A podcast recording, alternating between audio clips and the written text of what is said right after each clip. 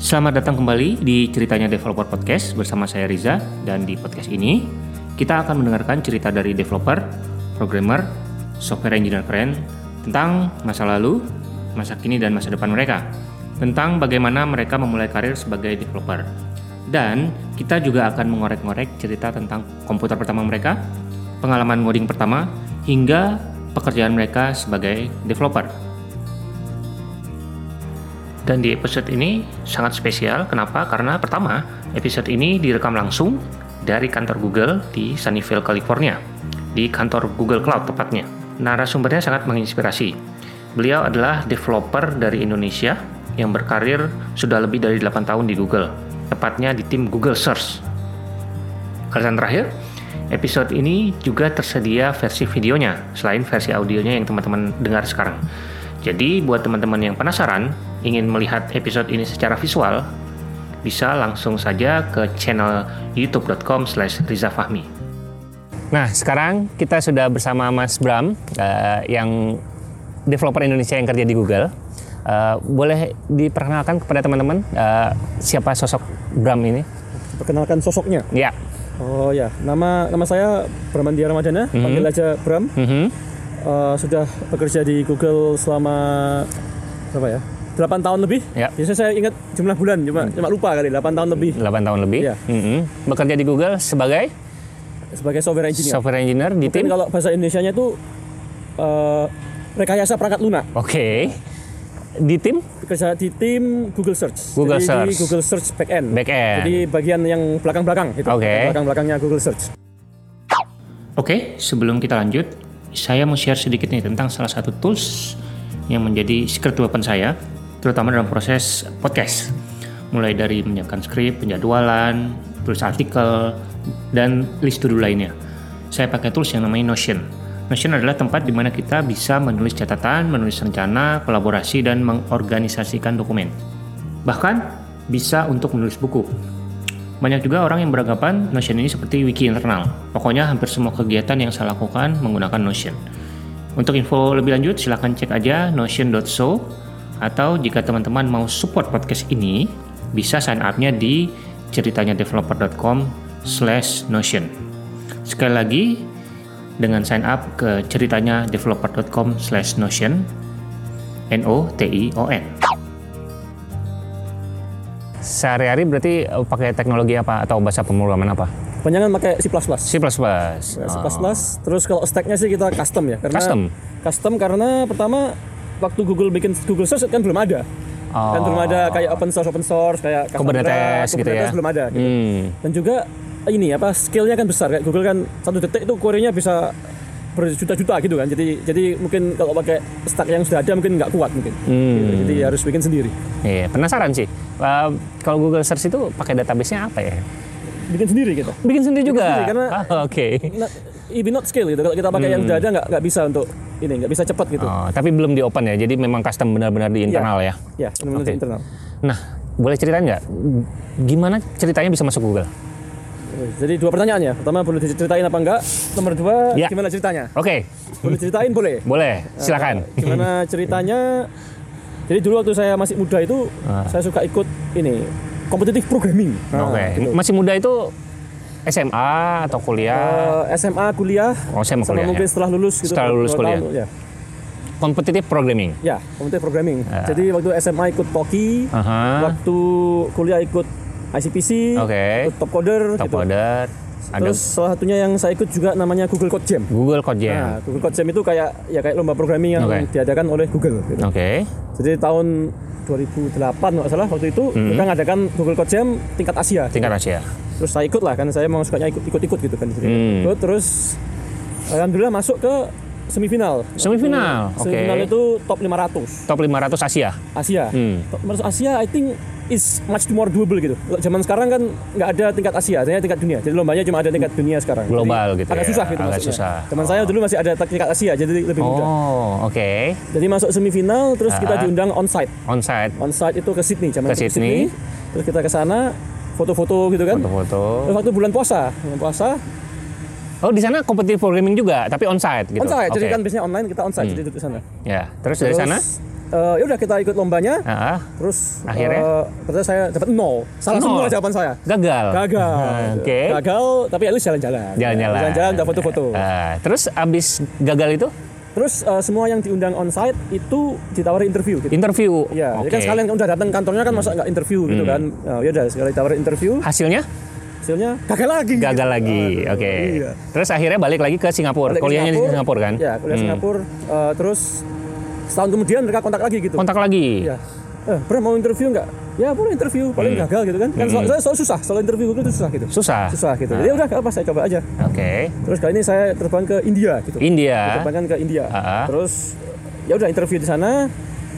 Ternyata kali ini berhasil. Berhasil. berhasil Oh, berhasil wow. menaklukkannya Oke. Ah, gitu Eh, terus ya udah setelah berhasil terus ya diterima terus eh, mereka ngurus visa macam-macam ya udah Terbang ke sini. terbang ke Amerika udah semua Hmm. diuruskan terus ya udah udah. itu tahun 2010 Oke. 2010 kira-kira akhir 2010 Boleh tahu nggak eh, pertanyaan interviewnya kayak gimana sih?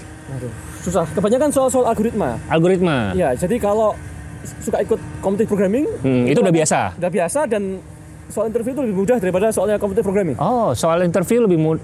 Soal interview di Google lebih mudah daripada soal di competitive programming. Ya. Hmm, Oke. ya, soal computer programming itu susah Dan di tesnya itu eh, nggak pakai komputer, tapi pakai whiteboard, whiteboard Ya, interview. jadi Iya. kalau di Google lima kali interview Lima kali interview. Ma- ada yang coding, ada yang di- desain, ada yang sistem desain. Mm-mm. Banyak kan di ini lah, ya whiteboard. Kita Mm. Oke. Mm. co- coba soalnya kayak gini coba tulis codingnya gitu. Ya, mereka tulis lah di papan tulis, saya tulis papan tulis gitu. Oke.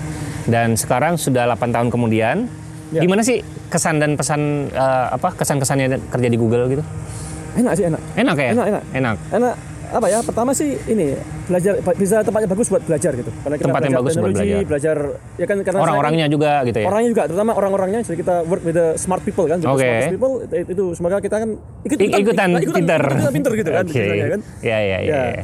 Juga sangat challenging gitu. Jadi tiap hari saya ke challenge ini gimana caranya gitu caranya gitu. Hmm. Jadi kan kalau insinyur kan maunya kan we do cool stuff that matters gitu. Nah, Oke. Jadi itu feeling itu masih berasa sampai udah 8 tahun di Google pun masih berasa ya. Ya masih berasa. Karena kan di berasa. Google itu bisa pindah-pindah tim dengan mudah. Dengan mudahnya Ya, bisa Oh, oke. pindah-pindah gitu. Jadi Udah kalau pernah bosen, pindah. ah, udah pernah ke tim mana aja? Udah pernah pertama kerjakan cluster pernah, cluster infrastructure pernah, pernah ke web search backend pernah, Hmm. Oke. Oh. knowledge backend, knowledge search backend juga pernah. Oke. Kalau yang nggak enaknya kerja di Google, Nah enaknya apa ya? Nah, enaknya ini susah masuk, susah keluar. susah masuk susah Iya, keluar. masuknya ya? susah, jadi keluarnya juga susah. Ah, kenapa susah? Karena kan harus cari yang sama-sama bagusnya kan, jadi itu Oh, susah gitu. Harus selevel atau yang lebih tinggi Iya, gitu kan ya. kita kan maunya kan lebih baik gitu. Lebih kan. baik. Hmm. Iya. Terus juga nggak susah. eh, Enaknya lagi mungkin customnya stuck ya. Jadi teknologinya apa? Custom. Custom. Hmm. Teknologinya sangat custom. ya. Jadi kadang kalau kita keluar nggak tahu orang pakai Cassandra. Hmm. Mana tuh Cassandra? MongoDB. Waduh, nggak nggak pernah pakai gitu. Karena Oke. juga kita punya stack sendiri. Oh, jadi kayak beberapa ilmu yang diterapkan di Google tidak applicable di luar gitu ya. Secara high level masih applicable kan sama. Maka Oh, konsepnya MongoDB mungkin sama dengan yang kita bikin Kon- high level konsep sama cuma kan tetap aja different thing gitu. Mungkin Different thing. Hmm. command line-nya beda, mungkin ada IPA-nya beda gitu ya. Iya. Hmm. Nah, terus eh, kalau kegiatan sehari-hari dari mulai bangun tidur sampai tidur lagi, gimana sih? Tidur sampai Kegiatan- pulang ya. berat itu ya ya paling pagi paling bangun jam berapa? wah, nggak mesti itu Nggak mesti. Nggak mesti. Nggak mesti. Nggak mesti tergantung matahari kan Tergantung Di matahari. Amerika kan mataharinya winter sama summer beda Hmm. ya paling pagi paling ini ngantarkan anak sekolah Nganterin anak jam eh, paling jam 8 Jam- jam kira-kira. 8. paling ngantar anak sekolah terus, ke kantor ke kantor, Ya. terus kerja, terus kerja ngoding. kerja paling coding code review Aha. Oh, meeting, Meeting. technical discussion Oke. interview orang Interview juga orang. interview orang Aha. ya udah terus mungkin ya jam 6 gitu paling pulang Jam 6 pulang. Jam 6 pulang, Ah. kadang tergantung. Pulang kadang bisa setengah lima atau jam 6 gitu. Setengah lima atau jam Ya. enam. Terserah sih, bebas. Anak nggak dijemput lagi, jemput. Enggak, enggak, oh, enggak jemput anak, Cuma jemput antar aja. aja. Oke. Terus abis jam Fire, 6 fire and forget gitu kan. fire and forget. Terus uh, jam 6 ada kegiatan lain nggak di luar kantor, jam kantor misalnya after office, After off oh, di, di kantor. Uh, di, di luar acara kantor, Eh, ya enggak ya pulang di rumah Ah. paling Pulang, kerjaan langsung PR sama pulang. Ah. anak, Heeh. makan malam, Uh, Eh, main game. main game kadang-kadang Main kalau game. sempat ya. Main Oke. game, Ya udah. Kalau kegiatan uh, kayak meet up atau komunitas gitu ngikut nggak sih di sini? Kebanyakan sih saya ini apa namanya? eh, yang waktunya terbatas jadi Oh, kayak- yang terbatas. jadi yang paling saya ikuti paling ini eh, kegiatan-kegiatan komunitas Indonesia gitu. Misalnya Komunitas kita Indonesia. ada Sidrin Halakoh gitu sebulan sekali ada Sidrin Halakoh, ada pengajian, eh, ada main FIFA, Nah. Main FIFA, ada bareng Mas Arya ya. main ya sama Mas Arya eh, kita paling ini apa ke gym, olahraga gitu. Olahraga. gitu. Mm-mm. Sisanya ya mungkin inilah ya kita vacation kemana gitu sama Vacation keluarga. sama keluarga. Oke, terima kasih Mas Bram udah menyempatkan sudah mengganggu waktunya. Eh, ini hari kerja kita eh, nyeret Mas Bram ke sini untuk eh, memberi inspirasi kepada teman-teman eh, developer di Indonesia. Mungkin bisa kasih tips dan trik kira-kira gimana sih supaya bisa jadi developer yang eh, kece, yang keren gitu. Yang jagoan gitu ya. Yang jago, yang jagoan jago, gitu. yang jago. Yang bisa masuk Google lah gitu. Yang sakti. Yang sakti. Oh ya, yang sakti. Kalau saran saya sih ikutlah kompetitif programming gitu. Competitive programming. Ya, ikut Google Code Jam, ikut Top Hmm. Coder, ikutlah konten programming. Mhm. Ya, tapi itu kan nggak buat semua orang, karena itu kan algoritma. Oke. Kalau mau yang lain, ikut open source. open source komunitas development. eh, apa kontribusi ke open source Ya, kontribusi ke open source. Atau mungkin nulis artikel. Ya. nulis Artikel artikel di internet gitu. Oh, ya. Artikel, bikin tutorial, tutorial. Bikin tutorial. Tapi show people what you got gitu. oke Soalnya kan kita di dunia internet ini semua bisa dilakukan gitu. kan. Bisa Hmm. dilakukan, mereka bisa lihat kemampuan kita sebelum kita bekerja gitu. Mereka bisa oke dilihat. oke Jadi ya semoga bisa menginspirasi gitu kan. Tujuannya Siap. kan buat inspirasi. Betul, Oh, ya, sip, sip, betul. ya. Semoga bisa terinspirasi. terima kasih oke Itu dia episode ceritanya developer podcast kali ini. Gimana? Seru ya? Nantikan episode-episode ceritanya developer podcast selanjutnya ya. Catatan dan link penting yang disebutkan narasumber bisa dicek di website ceritanya developer.com.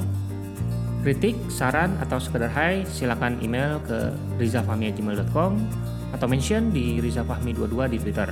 Sertakan juga hashtag ceritanya developer buat teman-teman yang mau support podcast ini agar terus ada bisa dengan cara subscribe ke iTunes search aja ceritanya developer podcast terus langsung subscribe dan kasih rating serta komentar nah kenapa iTunes?